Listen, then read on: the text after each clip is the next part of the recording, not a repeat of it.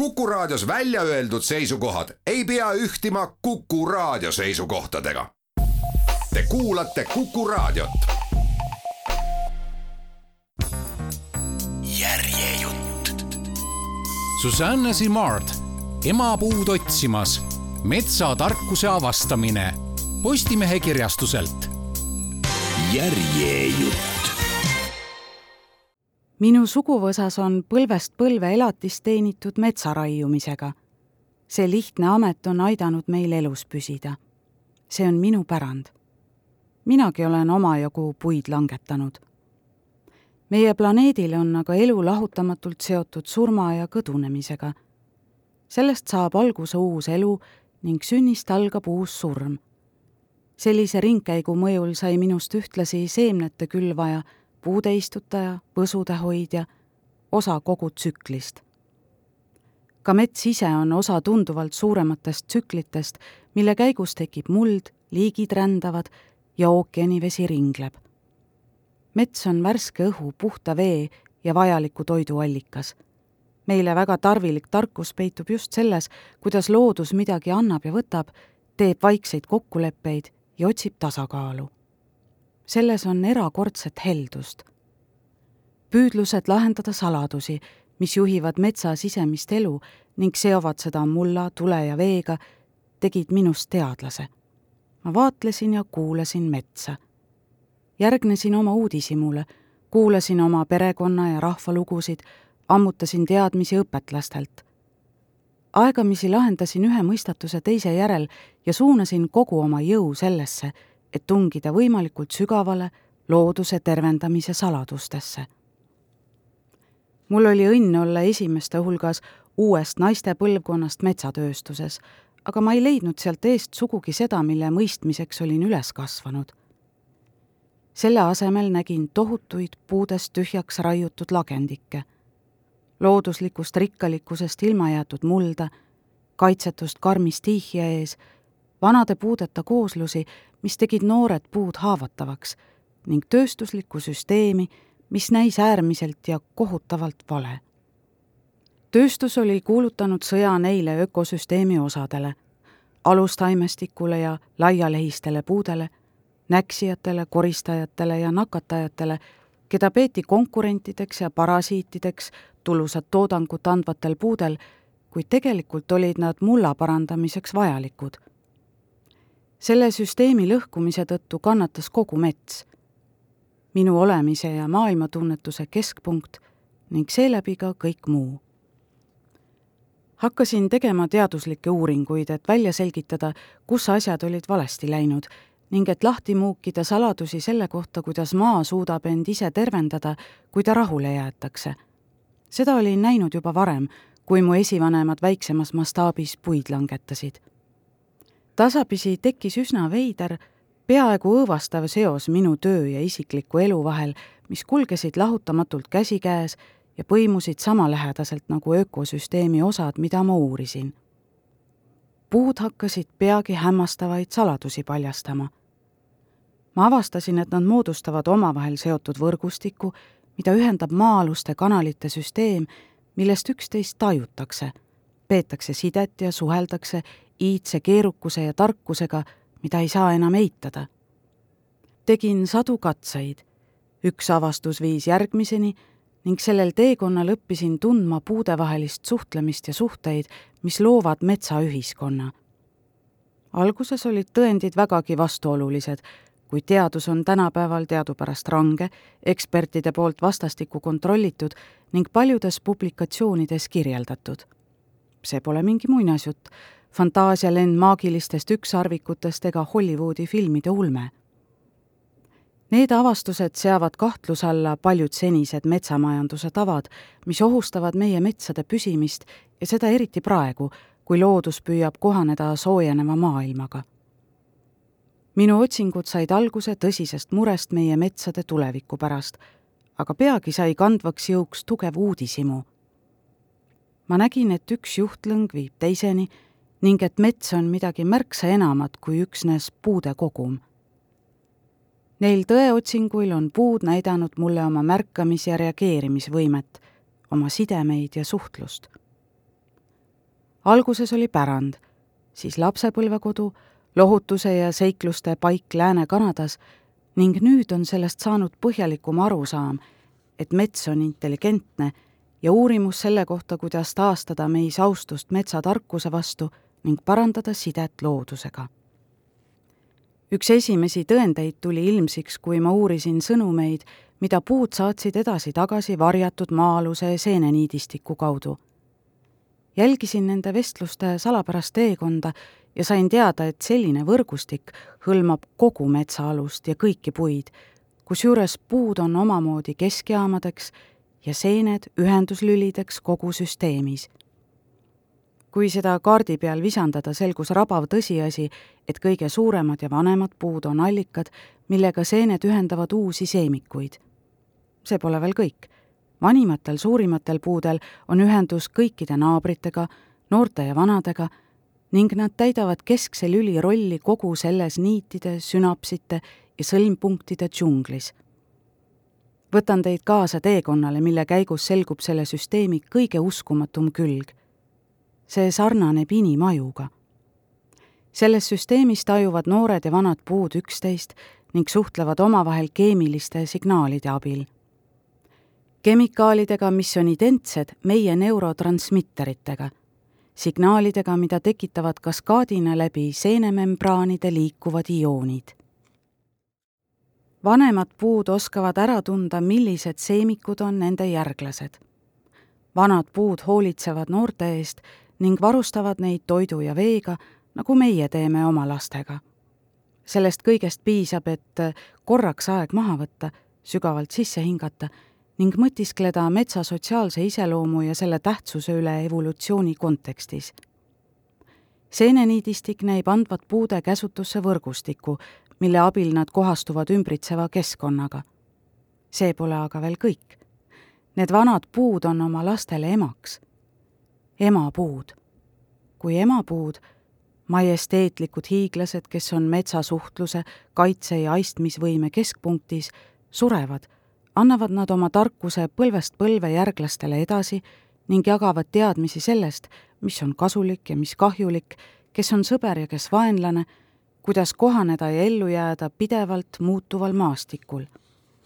seda teevad kõik lapsevanemad. Kuidas nad saavad saata hoiatussignaale, teateid üksteise äratundmise kohta ja kaitset pakkuvaid saadetisi sama kiiresti nagu telefonisõnumeid? kuidas nad üksteist hädade ja haiguste ajal aitavad? miks nad käituvad nagu inimesed ja tegutsevad nagu inimühiskonnas? kogu elu kestnud metsadetektiivi töö on kardinaalselt muutnud minu arusaama metsast. iga uus avastus seob mind üha sügavamalt metsaga. Teaduslikke tõendeid pole võimalik eitada. mets on ühendatud, et jagada tarkust, aistmisvõimet ja ravi. see raamat ei räägi sellest, kuidas me saame puid päästa. see raamat räägib sellest, kuidas puud võivad meid päästa olin üksi Karudemaal ja külmetasin juunikuu lumes. kahekümneaastane ja kogenematu tegin hooajatööd ühes metsafirmas Lääne-Kanada kaljuses Lillueti mäeahelikus. mets oli varjuline ja surmvaikne ning sellest paigast, kus ma seisin, näis see olevat kummitusi täis. üks neist hõljus otse minu suunas, avasin suu, et karjuma hakata, aga ei suutnud piiksatustki kuuldavale tuua süda saapas ääres püüdsin end kokku võtta ja puhkesin siis naerma. Kummitus oli üksnes tihe rulluv udu, mis väetidena puutüvesid ümbritses. ei mingeid vaime, ainult mulle ammu tuttavad tugevad tüved. puud olid lihtsalt puud. sellest hoolimata on mulle alati tundunud, et Kanada metsades kummitab ja et eriti teevad seda mu enda esivanemad, kes kunagi seda maad kaitsesid või vallutasid kes tulid siia, et puid raiuda, põletada ja kasvatada. Mets näib alati kõike mäletavat, isegi siis, kui tahaksime, et meie patud unustataks. oli juba pärastlõuna. udu roomas läbi mäginulutukkade ja pani need helkima. valgust murdvates piiskades olid peidus terved maailmad okstelt turritasid smaragdrohelised noored kasvud nefriidikarva okkavaiba kohal kui imeline, et pungad igal kevadel visalt elust pulbitsema hakkavad, joovastunult tervitavad pikenevaid päevi ja soojenevat ilma ning unustavad kõik talveraskused. pungad on kodeeritud, et tuua nähtavale ürgsed lehed, järgides kõigi varasemate suvede kaunist rütmi. puudutasin mõnda sulgkerget okast ja tundsin mõnu nende pehmusest, nende õhulõhedest imeväikestest avadest, mis tõmbavad sisse süsihappegaasi, millest taim koos veega toodab suhkruid ja puhast hapnikku. tulvas värske õhk, mida ahmisin kopsudesse. ülal kõrguvate töökate vanemate tüvede vastu liibusid teismelised puud ja nende sisse kaardusid veelgi nooremad seemikud. kõik nad hoidsid kokku, nagu perekonnad ikka külmaga teevad. krobeliste vanade nulgude ladvad ulatusid taevasse ja pakkusid teistele kaitsvat varju. samamoodi olid mu ema, isa, vanaemad ja vanaisad kaitsnud mind. tõepoolest, minagi olin lapsena sama palju hoolt vajanud, eriti kui arvestada seda, et ma sattusin alailma jamadesse. kaheteistaastaselt ronisin kord ühe Shuswapi jõe kohale kaldunud puu otsa, sest tahtsin lihtsalt proovida, kui kõrgele ma minna julgen. kui üritasin alla tulla, libisesin ja kukkusin jõkke Henry Taat pidi oma isetehtud paati hüppama ja sai mul särgi kraest kinni napilt enne seda, kui oleksin kärestikesse kadunud. siinsetes mägedes püsis sügav lumi maas üheksa kuud aastas. puud olid minust tunduvalt sitkemad. Nende DNA-sse oli kodeeritud võime tulla hästi toime, vaatamata sisemaa äärmuslikule kliimale, milles mina poleks kaua vastu pidanud. patsutasin ühe vana puu oksa et näidata üles tänulikkust selle eest, et ta varjas oma kaitsetuid järglasi ning asetasin ühe mahakukkunud käbi oksa kõverikule. tõmbasin mütsi üle kõrvade, astusin metsaveoteelt kõrvale ning kahlasin läbi lume sügavamale metsa. kuigi valget aega oli jäänud vaid mõni tund, tegin peatuse ühe maas lebava puutüve juures, mis oli langenud tee-ehituse käigus saagide ohvriks selle lõikeotsa kahvatul ümmargusel pinnal paistsid aastarõngad, sama peened nagu ripsmed. Heledavärvilisi varapuidurõngaid, mille kevadised rakud sisaldasid ohtralt vett, ääristasid tumepruunid hilispuidurõngad, mis olid tekkinud augustis, kui päike käib kõrgelt ja ilm on kuiv. lugesin rõngad üle ja tähistasin pliiatsiga iga aastakümne. see puu oli paarsada aastat vana üle kahe korra vanem kui minu suguvõsa ajalugu nendes metsades. Kuidas olid need puud vastu pidanud kasvu- ja puhkeperioodi muutuvates tsüklites ning kuidas sai seda võrrelda rõõmude ja muredega, mida minu perekond oli palju vähema aja jooksul läbi elanud.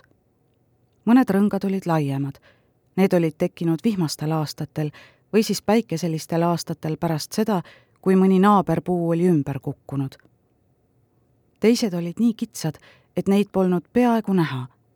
Need olid kasvanud aeglaselt põua jooksul, külmal suvel või mõnel muul stressirohkel ajal. Need puud elasid üle kliimamuutused, karmi konkurentsi, möllavad tulekahjud, putuka- ja tuulekahjustused, rääkimata kolonialismist, maailmasõdadest ja umbes kümnest peaministrist, kes olid olnud võimul mu perekonna siinoleku ajal. Nad olid minu esivanemate esivanemad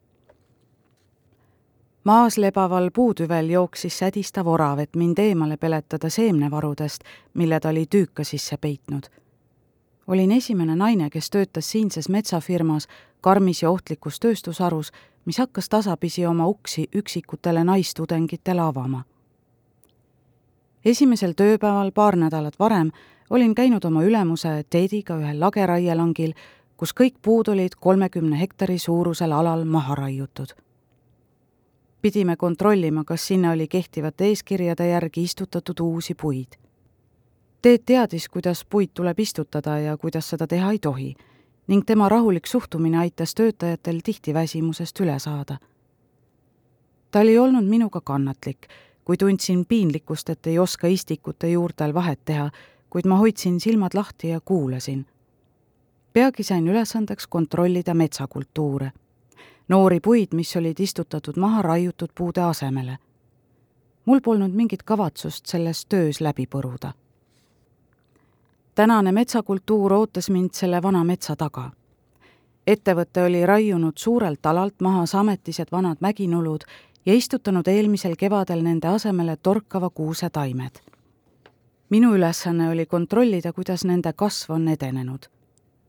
Mul ei olnud võimalik kasutada raiesmikule jõudmiseks metsaveoteed, kuna see oli ära uhutud. tegelikult oli see kingitus, sest muidu oleksin neist udusse mähkunud kaunitaridest kaugelt mööda läinud. nüüd aga jäin seisma Krisli värskete väljaheidete kopsaka hunniku juures puud olid endiselt udurüüs ja ma oleksin võinud vanduda, et nägin midagi kaugel eemal liikumas. teritasin pilku. Need olid kahvaturohelised samblikuharud. seda nimetati habesamblikuks, kuna see ripub okstelt alla nagu habe. vana samblik, mis tundis end eriti hästi vanadel puudel. vajutasin peletusviljanuppu, et karusid kaugemale ajada hirmu karude ees olin pärinud emalt, kes oli alles laps, kui tema vanaisa ja minu vana-vanaisa Charles Ferguson ühe karu maha lasi just sel hetkel, kui ründav loom jäi verandal seisnud tüdrukust vaid mõne tolli kaugusele.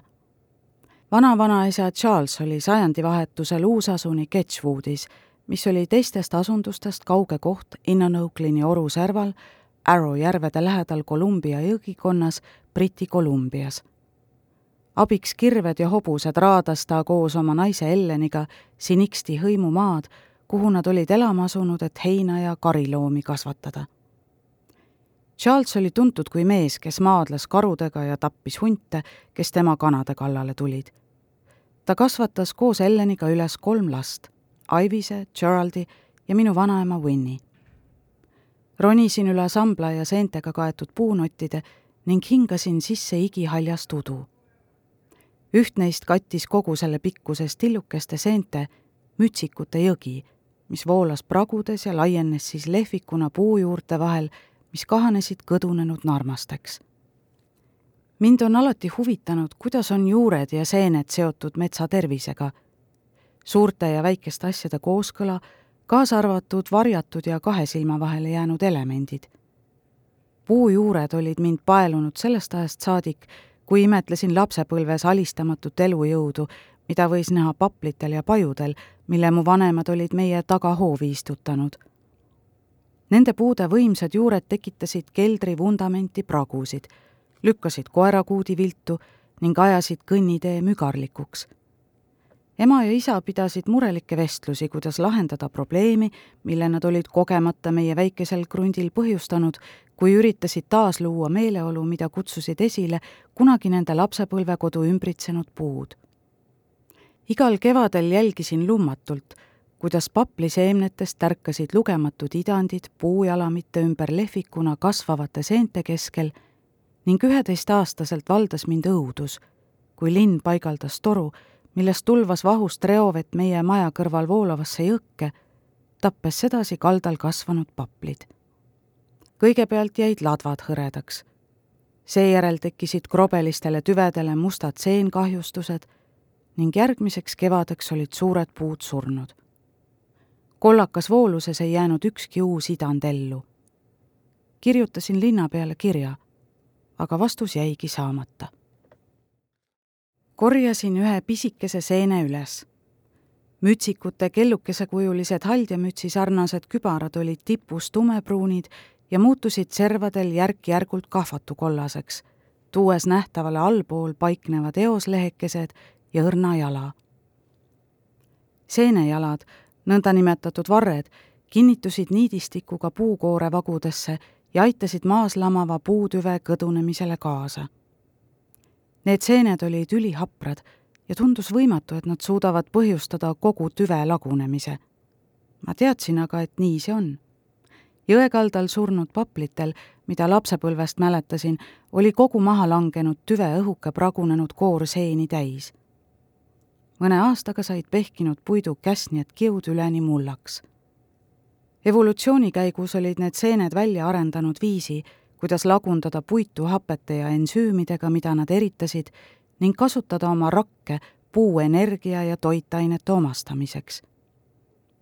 hüppasin puunotilt maha, maandusin matkasaabaste naeltega metsakõdusse ja vinnasin end noortest nulgudest kinni haarates mäenõlvast üles. Nulud olid leidnud täpselt õige paiga, kus nad said püüda võrdselt päikesevalgust ja sulava lume niiskust. üks tatik, mis seisis mõneaastase seemiku kõrval, kandis soomuselist pruuni pannkooki meenutavat kübarat.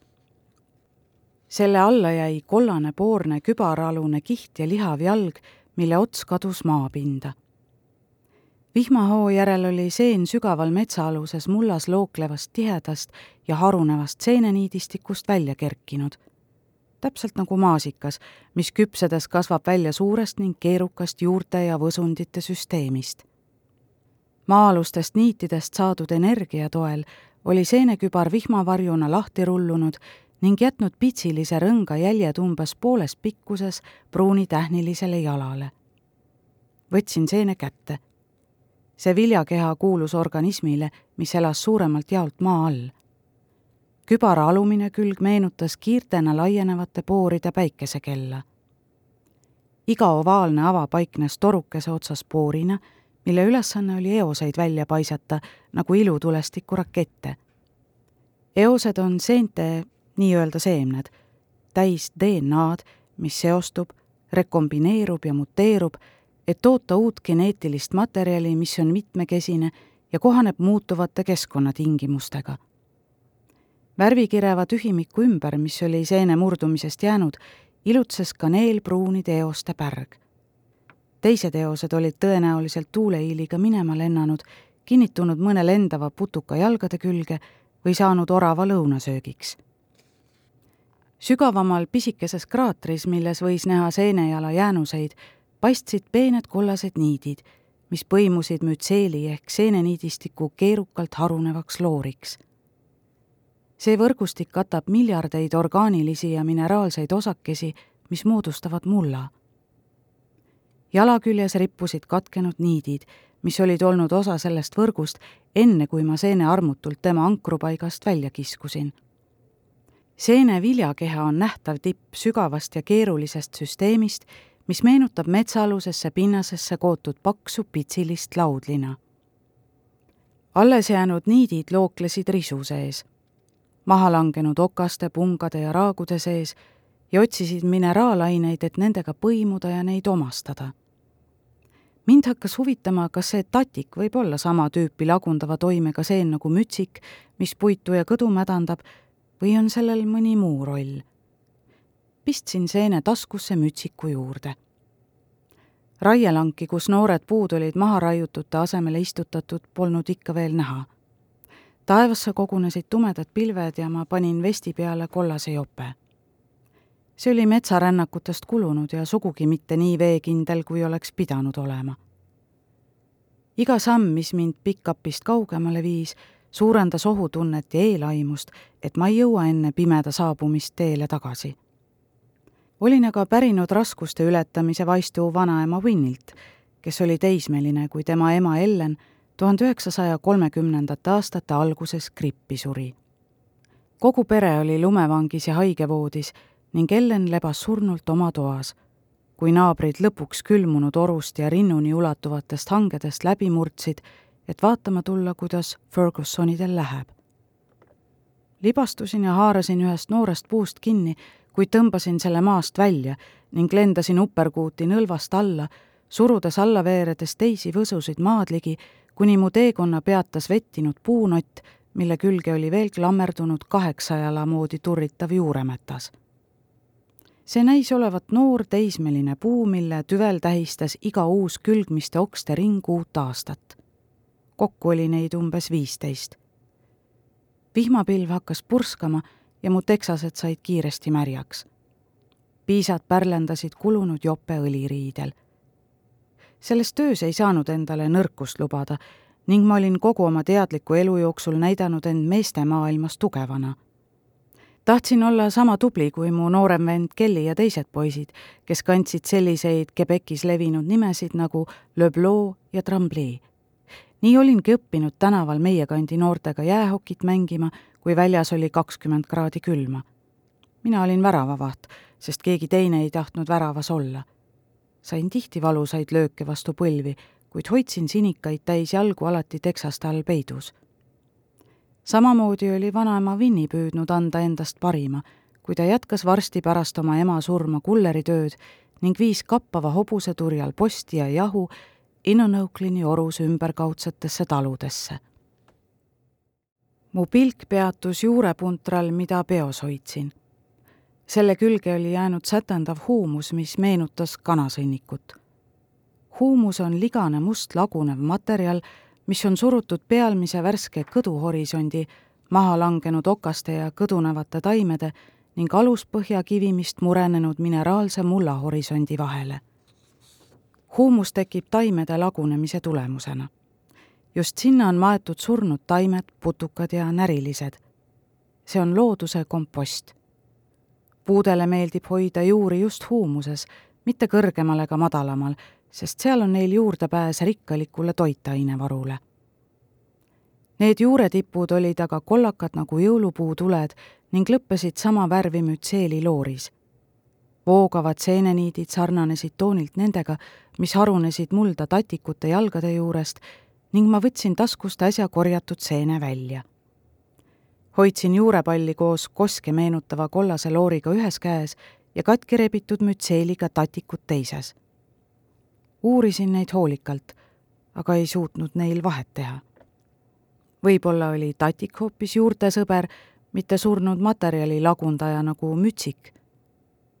olin alati vaistlikult kuulanud, mida elusolenditel on meile öelda.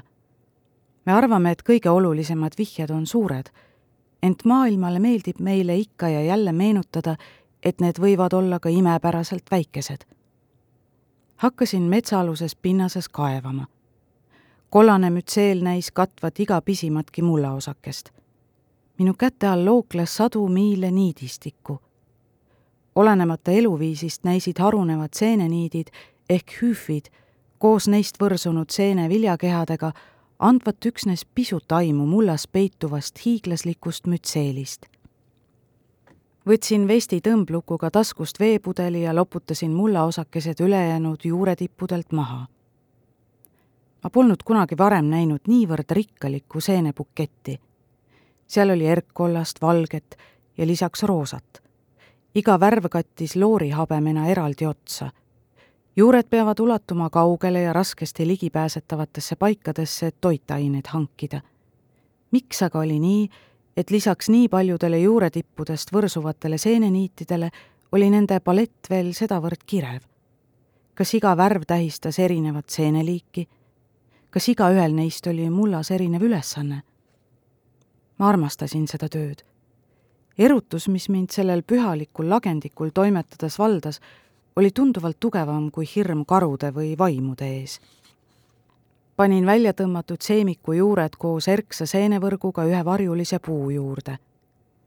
seemikud olid näidanud mulle metsa allmaailma mustreid ja toone kollased, valged ja tuhmroosad varjundid meenutasid kibuvitsu, mida mäletasin lapsepõlvest.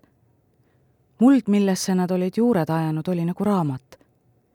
üks värvikirev lehekülg lasus kihina järgmisel ning igaüks jutustas loo, kuidas kõige eest hoolt kanti.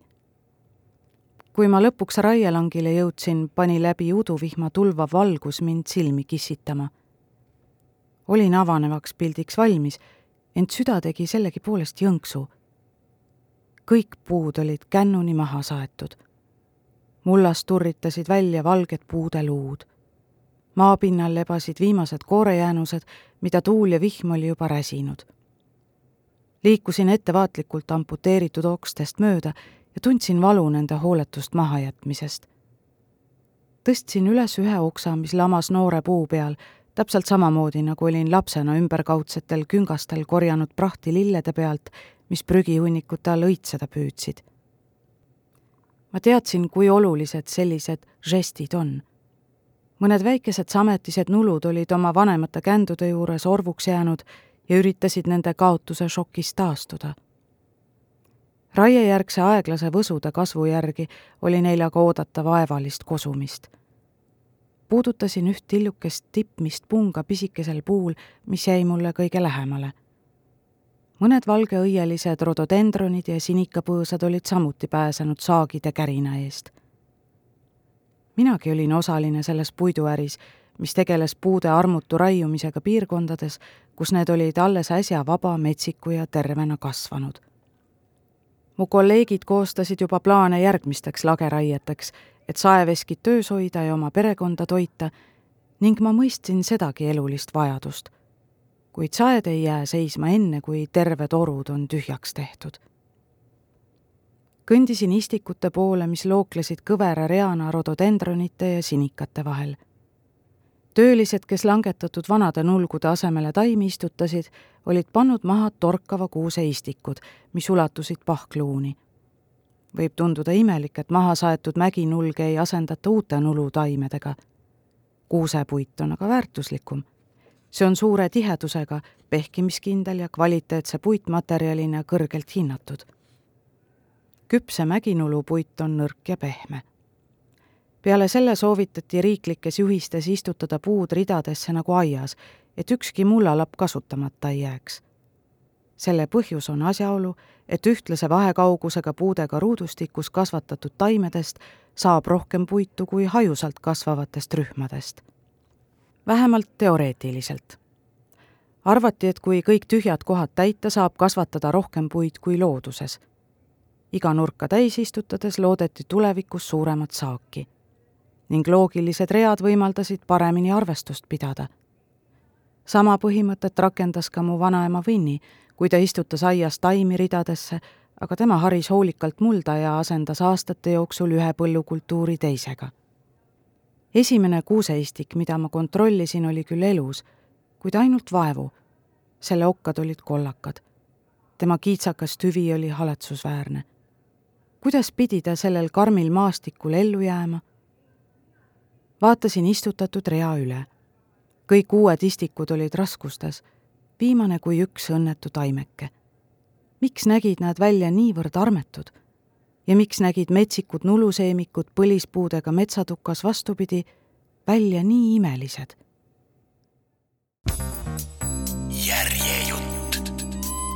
Susanne Simard, emapuud otsimas metsatarkuse avastamine Postimehe kirjastuselt. Järjejutt